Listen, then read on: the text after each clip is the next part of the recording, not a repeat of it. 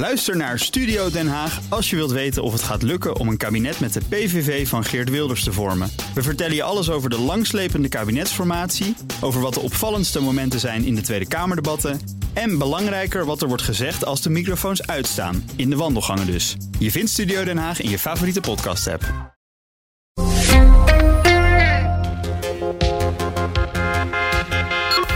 Vanuit Europees perspectief is het ongeveer de beste president die we in decennia hebben gehad. Het is de meest pro-Atlantische president sinds waarschijnlijk Bush senior. Maar dat, dan zie je ook dat we, dat we heel snel drie jaar geleden weer een soort gemakzucht zijn gegaan. Want zie je, Biden voelde, hè, dat is echt uh, die soort comfortabele oude uh, pantoffel die je aantrok. Het is gewoon die, die trui die je al heel lang hebt. Het voelde als, alsof alles klopte. Waarbij we over het hoofd zien, ook bij jongere democraten leeft Europa, leeft het bondgenootschap niet hebben ze wel een veel sympathiek, vinden ze ons veel sympathieker. Maar hebben ze niet een diep interesse. En ook als je daar woont, was dat. Toen ik daar woonde, was dat zo duidelijk.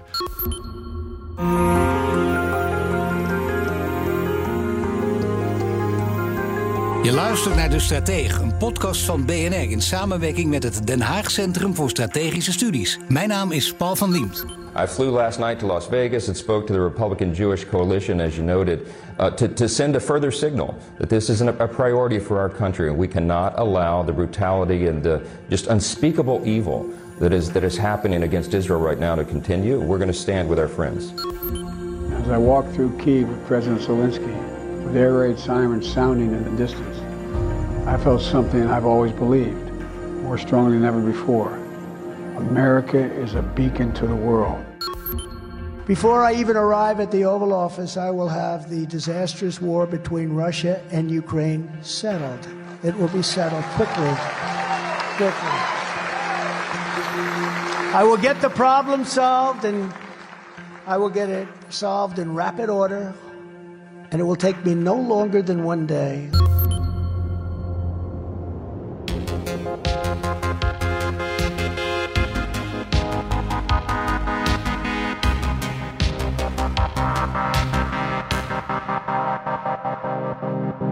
Nog precies één jaar en dan gaan de Amerikanen weer naar de stembus om een president te kiezen. En opnieuw lijkt het een strijd tussen Joe Biden en Donald Trump te worden.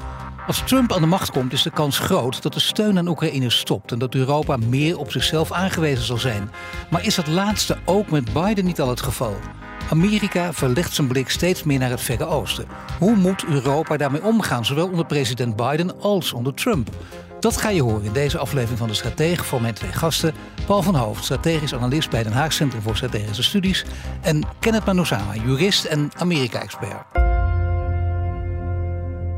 I flew last night to Las Vegas and spoke to the Republican Jewish Coalition, as you noted, uh, to, to send a further signal that this is a priority for our country we cannot allow the brutality and the just unspeakable evil that is, that is happening against Israel right now to continue. We're going to stand with our friends. Ja, Kenneth, het Huis van Afgevaardigden heeft net weer een speaker. We hoorden met Mike Johnson. Hij komt vanuit die extreme Freedom Caucus. En, en Biden moet langs het huis om geld vrij te maken, langs hem dus ook.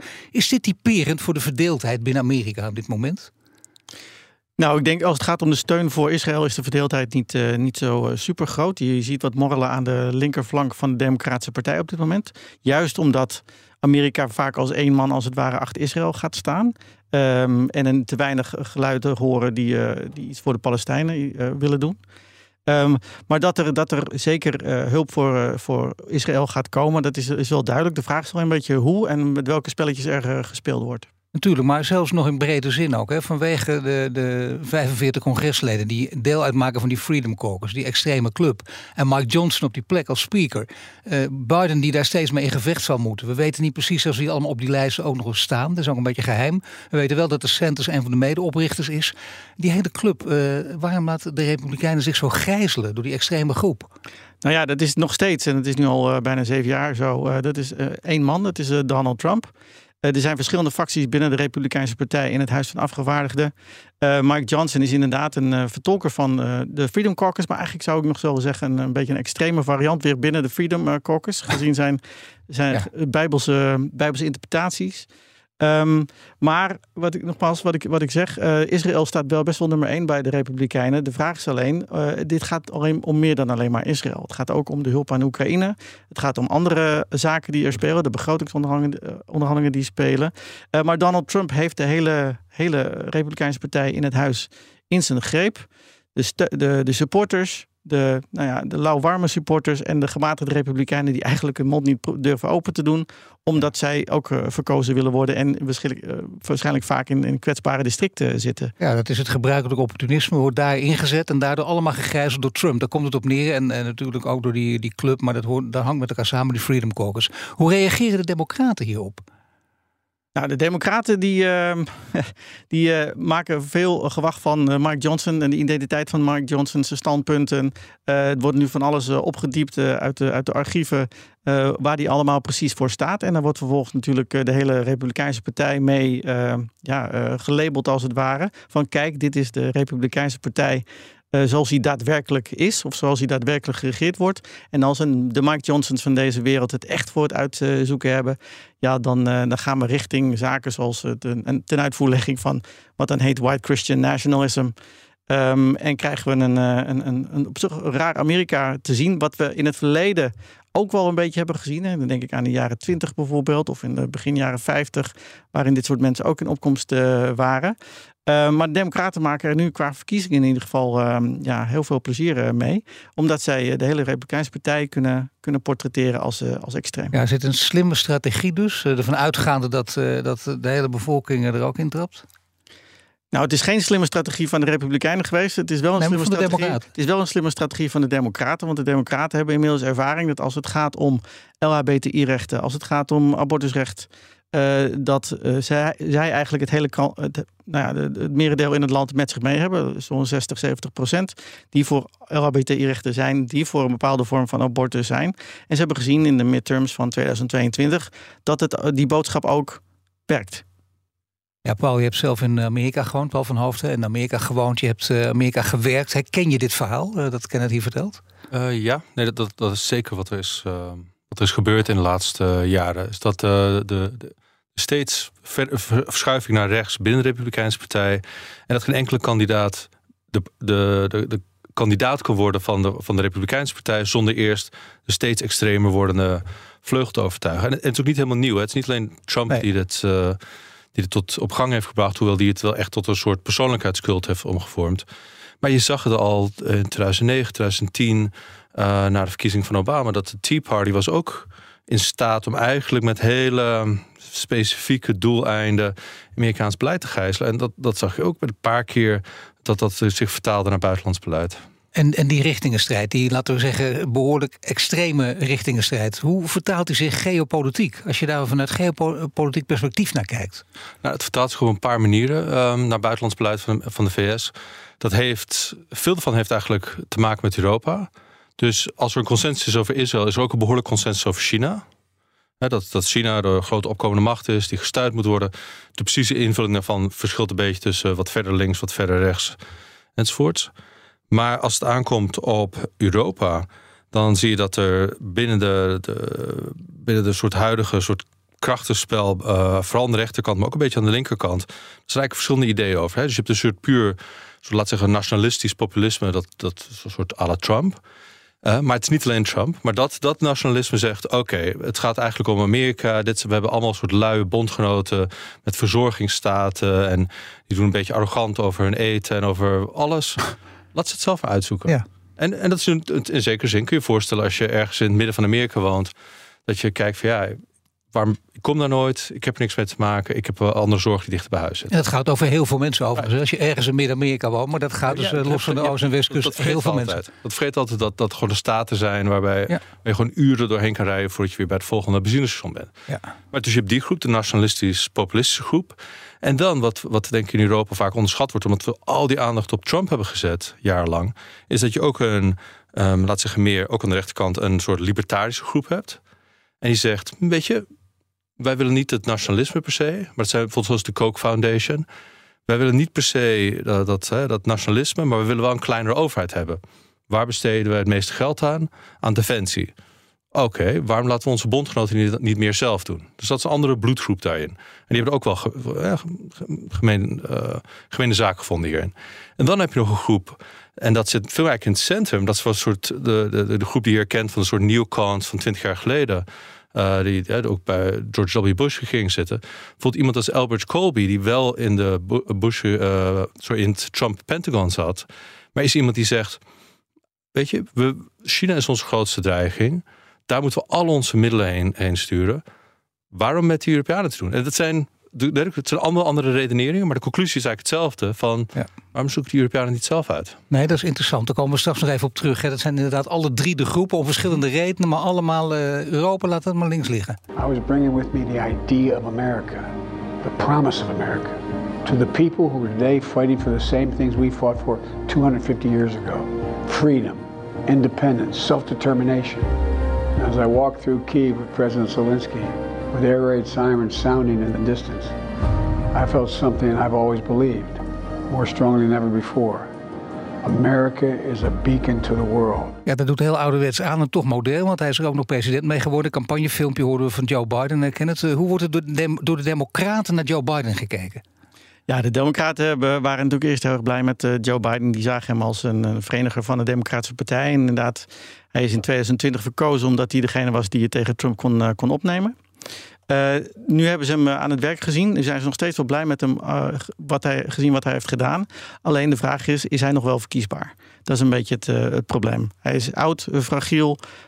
zo komt hij in ieder geval over. En de vraag is een beetje: is er niet een jongere kandidaat die veel meer mensen kan gaan aanspreken? Maar het antwoord op die vraag is nog steeds nee.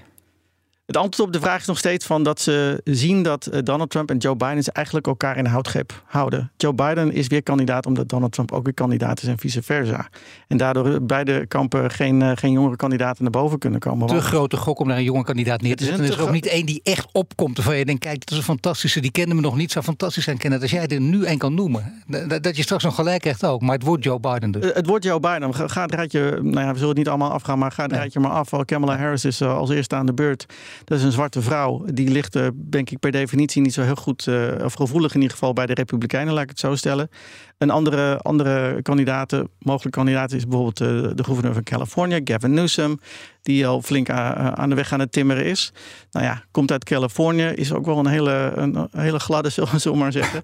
Um, die wordt denk ik ook wantrouwd. Hè? Die heeft een leuke graffiti gehad met, met governor DeSantis van Florida. Ja neem andere talenten, zoals uh, Pete Buttigieg, Secretary of Transportation, oud-minister, sorry, oud-burgemeester van in, in, een klein stadje in, in Indiana, maar ook presidentskandidaat geweest. Had heel veel enthousiasme, maar is, is homoseksueel en komt waarschijnlijk ook niet aan de bak. Maar het is een heel groot talent. He, dus er is een heel groot gat vanaf Joe Biden naar de rest. In de zin dat de, die andere kandidaten te veel, te gevoelig liggen, te veel specifieke groepen wellicht aanspreken, waardoor ze niet een grotere, algemenere groep kunnen aanspreken. Nee, dit is wel een beetje de generieke mening. Ik bedoel, eh, Amerika-experts willen op veel gebieden ook nog wel eens van elkaar verschillen, maar niet op dit gebied. We kunnen er gevoeglijk van uitgaan dat het Biden wordt. Maar als wat voor president zou je hem typeren, Paul? Nou ja, vanuit Europees perspectief is het toch weer de beste president die we in decennia hebben gehad. Het is de meest pro-Atlantische president sinds waarschijnlijk Bush senior. Meer dan Clinton, meer dan, dan Bush junior, meer dan Obama. En vanzelfsprekend meer dan Trump. Maar dat, dat zie je ook dat we, dat we heel snel drie jaar geleden weer een soort gemakzucht zijn gegaan. Van zie je, Biden voelde, hè, dat is echt uh, die soort comfortabele oude uh, pantoffel die je aantrok. Het is gewoon die, die trui die, die al heel lang hebt. Het voelde als, alsof alles klopte. Waarbij we over het hoofd zien, kijk, als je zegt die oud is, dat, dat heeft een aantal. Hè, hoe, hoe energiek is hij als president? Prima. Of dat niet prima, maar dat is één probleem ervan. Het andere is ook dat het duidelijke signaal is dat hij, hij is letterlijk de last of a dying breed. Hij is een van de, de Amerikaanse politici, zoals John McCain er ook was, die er ook nu al niet meer is. Maar een van die Amerikaanse politici die in de jaren 70 opkwam, die de, de, eh, de raketcrisis in Europa heeft meegemaakt, het, het oplaaien in de jaren 80 van de Koude Oorlog, dat het leek tot de confrontatie zou komen. Toen het, het afnemen van de spanningen, de val van de muur, uh, vereniging van hereniging van Duitsland, de uitbreiding van de NAVO. Hij heeft al die dingen meegemaakt. Hij is elke keer naar, het uh, München, de veiligheidsconferentie gegaan. Al dit soort elementen heeft hij meegemaakt. Maar hij is ook een van die laatste mensen van die generatie dat, die dat heeft.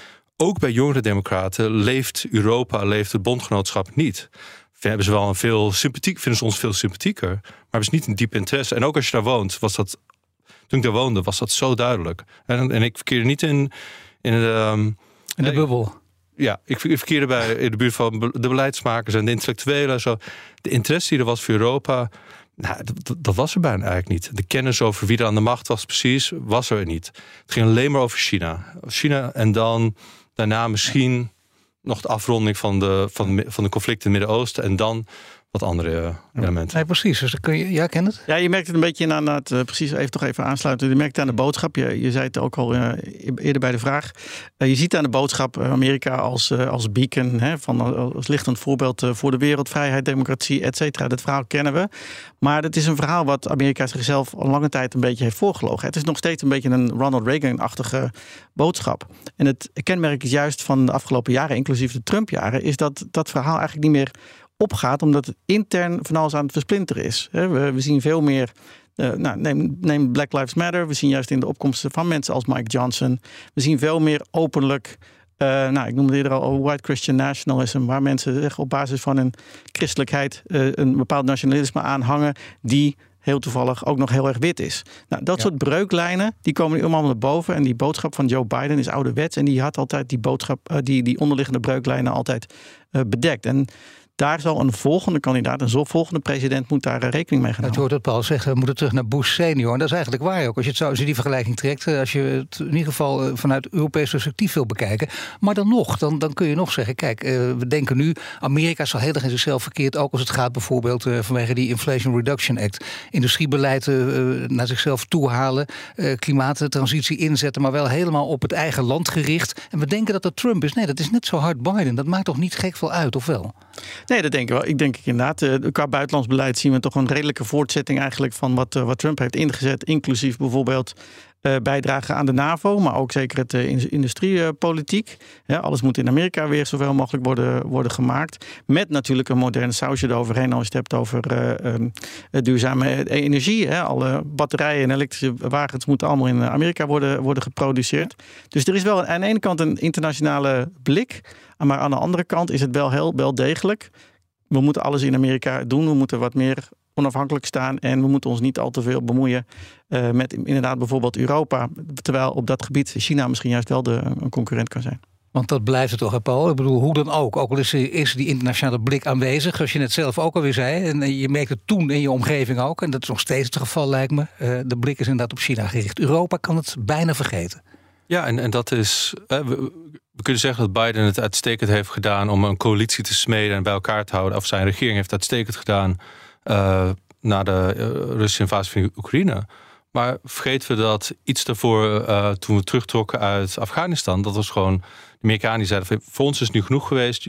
De, we kondigen nu aan, jullie zoeken, dit is ongeveer de deadline. Dat een eenzijdige actie. Ja, eenzijdige actie. of de, de, de AUKUS-deal, dus de, die onderzeeër-deal. Ja. Uh, met Groot-Brittannië en Australië, waarbij de Fransen buiten de boot viel. Eh, die deal werd aangekondigd op dezelfde dag dat de, de Europese Indo-Pacific-strategie ook werd gepubliceerd. Het was, het was allemaal niet bepaald handig en niet zo heel transatlantisch. En dat was nog een veel beter scenario dan wat er voorkwam. Of ook wat, wat, wat eigenlijk Obama deed, wat, en zeker wat Bush deed, enzovoort. Ja, dat betekent dus echt hoe dan ook, wie er ook aan de macht komt, gaat ervan uit dat dit de richting is. Dan weet je dat in ieder geval in Europa. Daar moet je hoe dan ook rekening mee houden. En uh, ja, we gaan even naar kijken wat we kunnen doen en wat we eigenlijk gedaan hebben. Want Europa is niet meer het machtige continent van vroeger. Maar wat heeft Europa eigenlijk zelf gedaan om los te komen van Amerika? Blijf luisteren. Bij BNR ben je altijd als eerste op de hoogte van het laatste nieuws. Luister dagelijks live via internet. Bas van Werven. En heel langzaam komt de zon op rond dit tijdstip. Je krijgt inzicht in de dag die komt op BNR, het Binnenhof in Nederland en de rest van de wereld. De Ochtendspits. Voor de beste start van je werkdag. Blijf scherp en mis niets. Nou, Paul, daar wil ik graag met jou over doorgaan. Dan ken het uh, natuurlijk zo meteen ook. Jullie mogen elkaar aanvullen als je wil. Of in de reden vallen, of zelfs tegenspreken. Ja. Maar Paul, als we naar de rol van Europa kijken... dan uh, we hebben niet veel gedaan om los te komen van Amerika... in de afgelopen drie jaar. Of zeg je dat het niet waar is? Hebben we dingen over het hoofd gezien? Of hebben we echt bijna niks gedaan? We hebben een aantal dingen gedaan. We hebben het alleen heel... We doen het heel langzaam. Uh, dat, of nou aankomt, hè, die, onze beloftes om genoeg munitie te produceren voor Oekraïne... waar volgens mij afgelopen week ook weer gepubliceerd werd dat we nu op zo, dat 50% van het budget voorbij is, al 30% pas geproduceerd. Dus zoiets. Ja. Uh, punt is dat het steeds. Hè, we, we, hebben het nu weer over rapid reaction forces, waar we het na uh, de oorlog in Joegoslavië ook over hadden. Dat ja. hebben we dus ook weer 20, 25 jaar verder. Ja. Dus nee, we doen het heel langzaam. En dat heeft, er zijn een aantal oorzaken van. Gedeeltelijk was het ook omdat de VS 25 jaar geleden en daarvoor en daarna het echt bewust heeft proberen af te remmen. Hè, dat wij te onafhankelijke rol zouden nemen. Die Amerikaanse druk is wel veranderd, want zij willen nu ook doorschuiven naar Azië. En verder heeft het natuurlijk ook veel te maken met ja, het is een soort gemakzucht. Het was een tijd lang was, was het een enorme soort subsidie. Dat je niet al dat geld zelf hoeft uit te geven aan defensie. Maar dat je een, een, een hele een, de grootmacht hebt die, die een groot deel ervan voor je doet. Nog een beetje teren op een soort vredesdividend. Dat je nog een beetje kunt verlengen. Ja. Wat er ook gebeurt. Want Amerika lost het wel op. En wij kunnen dat geld lekker aan andere zaken besteden. Dat, dat is totaal naïef dus. Ja, dus, en, en het is een combinatie. hè. Het is voor gemakzucht, opportunisme. En ook een soort, denk ik, na de val van de muur... een soort idealisme dat heel diep... In ieder geval bij, de, eh, bij, bij, de, bij experts, bij universiteiten, bij Nou, afscheid van de Koude Oorlog genomen. Dat hebben experts ook gedaan. Terwijl die in zekere zin, als we nu terugkijken, altijd wel een beetje gaande is gebleven. Zelfs in die Ja. periode. Ja, en dat zie je hè, met iets waar we het een van de vorige afleveringen over hebben gehad. Is dat er nu heel weinig kennis is bij mensen van mijn generatie. eh, over kernwapens, Nee, voor jouw generatie, dat kunnen we niet zien. Dan moet jij toch even. Ik ga niet gokken ook, want dat levert altijd verkeerde dingen op. 45. Nou, moet je kijken. Ga verder. Maar dat, dat is inderdaad. eh, dus dus je, hebt, je hebt gewoon heel weinig kennis overgehouden op, op dat gebied. En, en een soort, ja, een soort naïviteit. Hè, een soort, maar een naïviteit die ook wel ons heel goed uitkwam. Van, en, en ook iets waar we dan soort steeds naar de VS konden kijken. En konden zeggen van kijk, zij, zij denken dat er overal nog oorlog is. Eh, wij, maar wij zijn daar more- moreel superieur over. En die houding is natuurlijk ook niet onopgemerkt in de VS. Dus daar maken we ook, hebben we ook daar niet echt vrienden mee gemaakt. Het heeft een beetje, hangt een beetje Ja, samen ook met, met de, hoe er wordt gekeken inderdaad naar Europa, wordt eerder al gezegd. Over nou ja, die, die luie Europeanen met hun welvaartsstaat. Ehm, en op zekere, op, op zekere, in zekere zin klopt het ook wel. Want we hebben een bepaalde mentaliteit dat wij ons niet kunnen voorstellen hoe het is om direct in conflict te zijn. eh, om direct ehm, onder bedreiging te zijn. We, we hebben onder de paraplu geleefd. Al 75 jaar. Dat wordt niet voor 75 niks ook vaak benadrukt. Dat is ook een enorm lange periode. Ik wil het toch nog maar een keer zeggen. In de hele wereldgeschiedenis. Ja. Dus, dat Dus ik zou het bijna niet eens als, eh, als naïviteit of opportunisme eh, willen, willen, eh, willen ja, bestempelen. Maar eerder als een soort een, een unieke Europese ehm, ja, gebrek aan bewustzijn van hoe het is om onder, onder belegering te zijn, als het ware. En nog steeds, denk ik, heb ik het gevoel dat ehm, we nog steeds niet goed beseffen wat er in Oekraïne gebeurt. Ja, we hoeven niks te doen, want over een paar jaar is het toch alweer voorbij. En dan gaan we gewoon door zoals we altijd gedaan hebben. Op een of andere manier is er weinig voorstellingsvermogen, inlevingsvermogen over wat er daadwerkelijk aan de hand is. Wat er daadwerkelijk gebeurt in Oekraïne. Want we kijken allemaal leuk op social media naar de filmpjes. Uh, maar niet dat, ze, dat op een gegeven moment de Russen inderdaad aan de Europese Unie-grens uh, zouden kunnen staan. Um, en dat uh, merk je in het dagelijks leven. Uh, in Europa in ieder geval uh, vind ik dat, uh, dat mensen dat niet begrijpen. Men denkt, nou ja, je men ziet in Europa natuurlijk, we praten over Europa, dan zie je toch een groot verschil inderdaad. De verschuiving hè, van naar, naar, naar Oost-Europa, daar ja. leeft die angst wel degelijk. Dat ja. hoor je ook voortdurend van mensen die daar geweest zijn, die daar wonen, die daar hun verhaal vertellen. Maar dat geeft ook aan dat de Noordwest-Europese landen, die oorspronkelijk lid waren van de, van de, van de NAVO, nou, zoals Nederland, ja, die hebben dat, die hebben dat besef eigenlijk helemaal niet. Terwijl inderdaad landen als Polen en, en andere Oost-Europese landen wel roepen van, nou, wij gaan bewapenen. Wij, wij zijn ons zeker wel bewust van, van het Zweden, gevaar. Finland niet voor niets, hè, dat die ook gewoon deze pogingen ja. doen. Ik bedoel, en, en, en, wat ze willen, die willen natuurlijk ook gewoon ja. bij, bij het bondgenootschap horen. Ja. Die zitten dus, dichter bij het vuur, letterlijk. Dus de afstand die Amerika nu lijkt, te, lijkt te nemen, die wordt wel opgemerkt, maar nog niet gevoeld. Ja, nee, dat, dat is precies wat, wat Kenneth zei. We hebben die, de, Noord, de Noord-Zuid, West-Oost verdelingen binnen Europa. En die hebben er ook voor een goede kwart eeuw voor gezorgd dat waar, waar de ene kant keek naar terrorisme, de andere kant keek naar Rusland, de andere kant keek naar vluchtelingenstromen. En daar zat niet per se cohesie in. Nee. En dat maakt het ook moeilijker, heeft het moeilijker gemaakt tot nu toe om dat bij elkaar te brengen. Nou, is dat verbeterd? Is er, begrijpen we allemaal dat Rusland op nummer 1 staat? Ja. Maar doen we dat met dezelfde intensiteit? Poolse defensieuitgaven die schieten omhoog.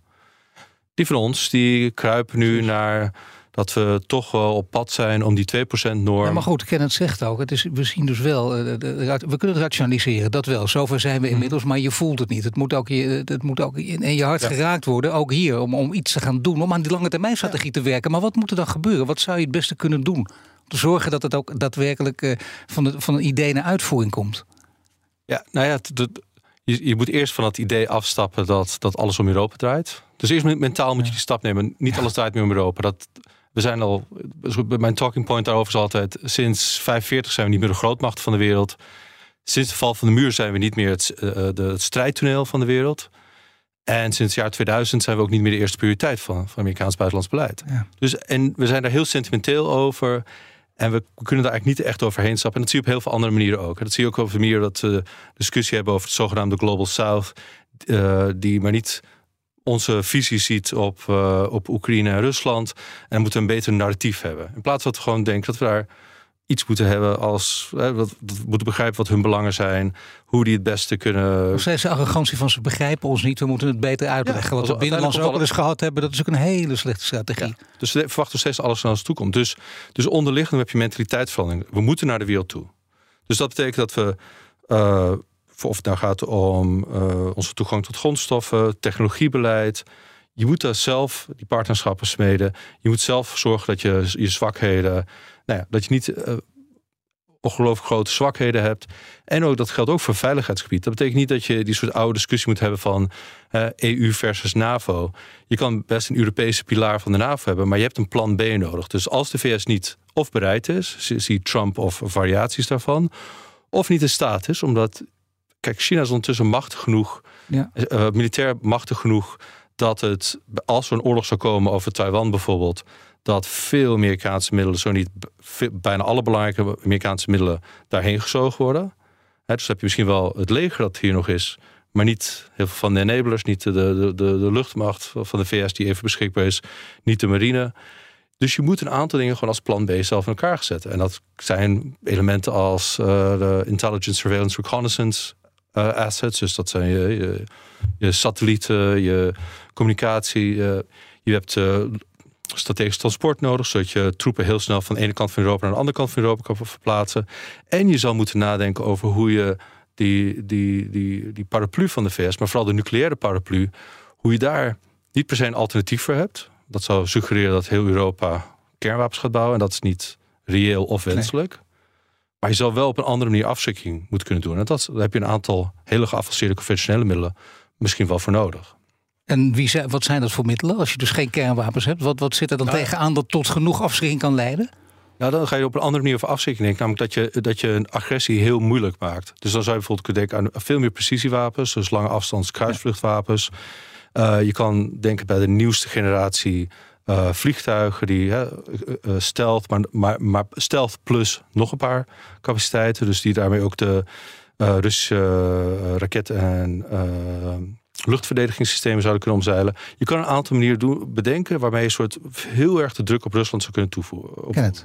Ja, ik, ik, wat, wat natuurlijk, hoe, hoe we erover praten, is natuurlijk een beetje indicatief over waar het denk ik ook uh, fout gaat. Want we hebben het de hele tijd over we. Uh, we, de Europeanen. Terwijl het probleem juist is, Amerika trekt zich terug en bezint zich op zichzelf. En dat zou Europa dus eigenlijk ook uh, moeten doen. En dan, als we dat dan zien, zeker op buitenlands en defensiepolitiek, um, is er geen we. Er is geen, op dat, dit gebied zeker geen Verenigde Staten van Europa, bijvoorbeeld, zoals soms wel te, wordt geopperd. Gaat er ook niet komen. Nou ja, en zodra, zolang dat er niet is, of zolang dat we daar niet uh, in ieder geval reëel in worden, kunnen we ook niet een gezamenlijke industriepolitiek of een gezamenlijke afschrikkingsbeleid gaan, gaan voeren. Uh, en blijft het een strijd tussen nou, bijvoorbeeld uh, Polen tegen Noordwest-Europa, die Noordwest-Europa probeert uh, wakker te schudden. En, en komen we niet tot, tot één beleid. Dus maar is het niet heel gek als we met we, laten we dan eens even op Nederland toespitsen. Want je had het over, de, ken het, over, over ja, het luie Europa, ook het luie Nederland. Peter Wenning gebruikte dezelfde woorden, niet zo lang geleden. Een paar maanden geleden, begin september, zei hij dat. De baas van, van ASML. En wat zien we? Amerika mag nu bepalen of ASML exporteert naar China. Hij zag die bij al aankomen, hij wist wat gaande was. Hij zal dat om die reden misschien ook extra uh, benadrukt hebben. Maar ja, dat is de wereld op zijn kop. En uh, deze afhankelijkheid blijft bestaan, dan weet je toch helemaal dat je wakker geschud moet worden en dat je wel over een we moet nadenken, of niet? Nou, we moeten wel over een we nadenken, maar we kunnen nog niet zozeer over een we spreken, denk ik. Dat, daar, ligt het, daar ligt het probleem. Dus maar helpt dit dan niet, hoe vervelend dit ook is, maar helpt dit dan niet om duidelijk aan te geven hoe de verhoudingen liggen? Nou, ik zou zeggen, al, al die kleine prikkels eh, en een grote prikkels als Oekraïne, die zouden inderdaad moeten, moeten helpen. Um, maar een probleem zoals ASML bijvoorbeeld, ja, die moet je dan dus ook proberen Europees te gaan oplossen. We zijn zo goed uh, om, om bepaalde dingen Europees te regelen. Tot, tot het groot chagrijn van uh, een groot deel van de bevolking soms. Omdat het uh, niet democratisch zou zijn. Maar als, het gaat om, als het gaat om defensie en buitenlandspolitiek krijgen we dat niet voor elkaar. En zolang we dat intern Europees niet, niet voor elkaar krijgen, ja, dan blijft Europa denk ik de speelbal. Maar dat is een prioriteit, denk je? Want dan blijft je speelbal inderdaad van de geopolitiek en van de andere grote landen, van, van China en, en, en het achterland van Amerika. En dan, dan sta je met lege handen. Want zonder defensie, goede defensie en buitenlands politiek kunnen we denk ik dat de, de toch sterke economische positie die Europa nog steeds heeft, kunnen we die ook niet benutten in het, in het grotere geopolitieke spel waar, waar Paul het van over heeft. Before I even arrive at the Oval Office, I will have the disastrous war between Russia and Ukraine settled. It will be settled quickly. Quickly. I will get the problem solved and I will get it solved in rapid order. And it will take me no longer than one day. Ja, we hoorden eerder in, in, de, in, deze podcast hoorden we Joe Biden en nu horen we Trump. En dat betekent dat beide heren, hoe dan ook, daar kunnen we vanuit gaan, gevoeglijk vanuit gaan, die gaan het tegen elkaar opnemen dat betekent dus ook dat uh, ja, voor een deel die oude wereld ook blijft bestaan. We weten ook dat wij vooruit moeten kijken. Kenneth, je zegt Europa zal toch naar een we toe moeten op een of andere manier. Hoe dan ook, als we niet echt met lege handen willen blijven staan.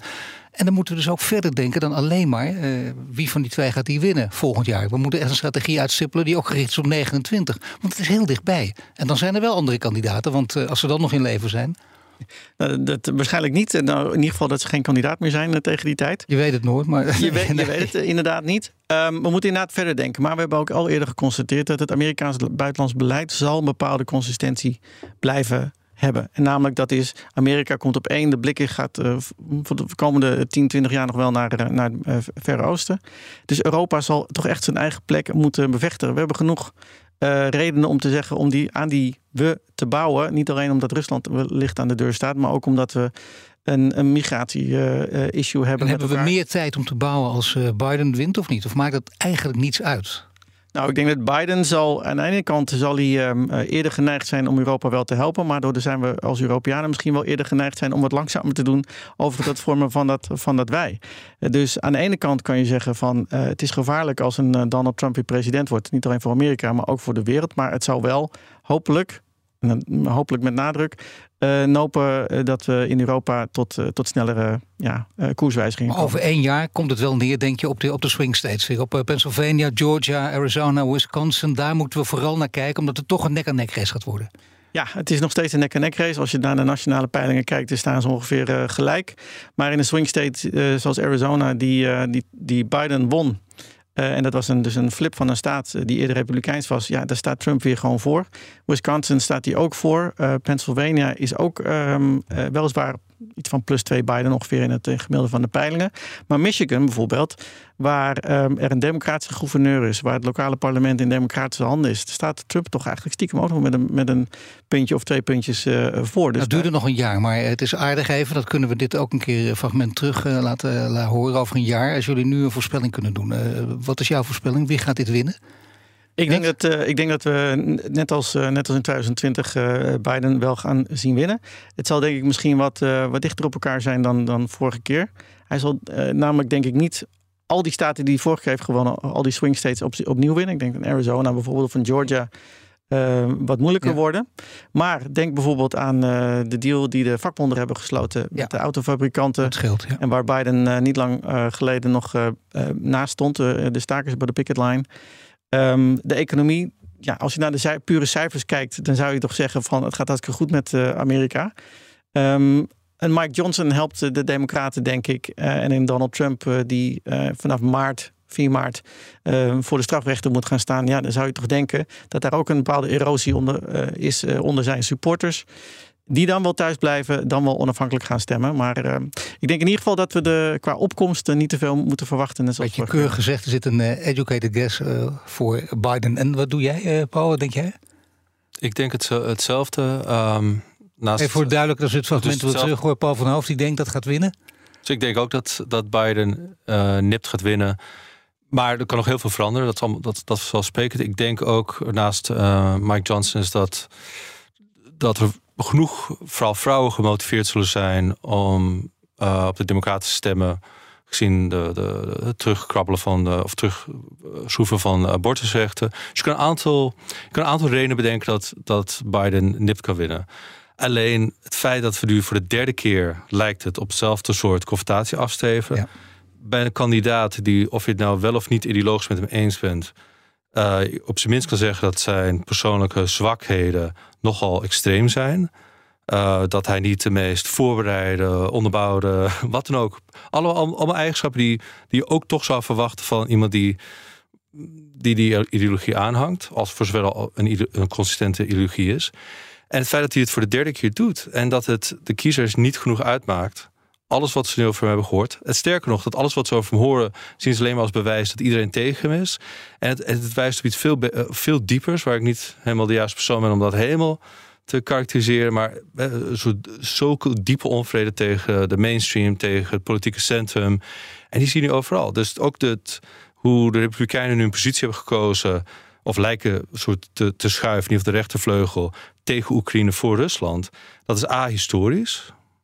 Maar heeft eigenlijk vooral te maken van waar zij voor zijn, zijn wij tegen. Uh, waar zij tegen zijn, zijn wij voor. Het is, een soort, het heel erg antipolitiek. En dat, dat is een veel dieper probleem waar we niet uh, makkelijk kunnen oplossen. Heren, hartelijk dank. Paul van Hoofd, hij is strategisch analist bij Den Haag Centrum voor Strategische Studies. En Kenneth Manusama, jurist en Amerika-expert. En wil je de stratege vaker beluisteren? Abonneer je meteen in je favoriete podcast-app. En tot de volgende keer.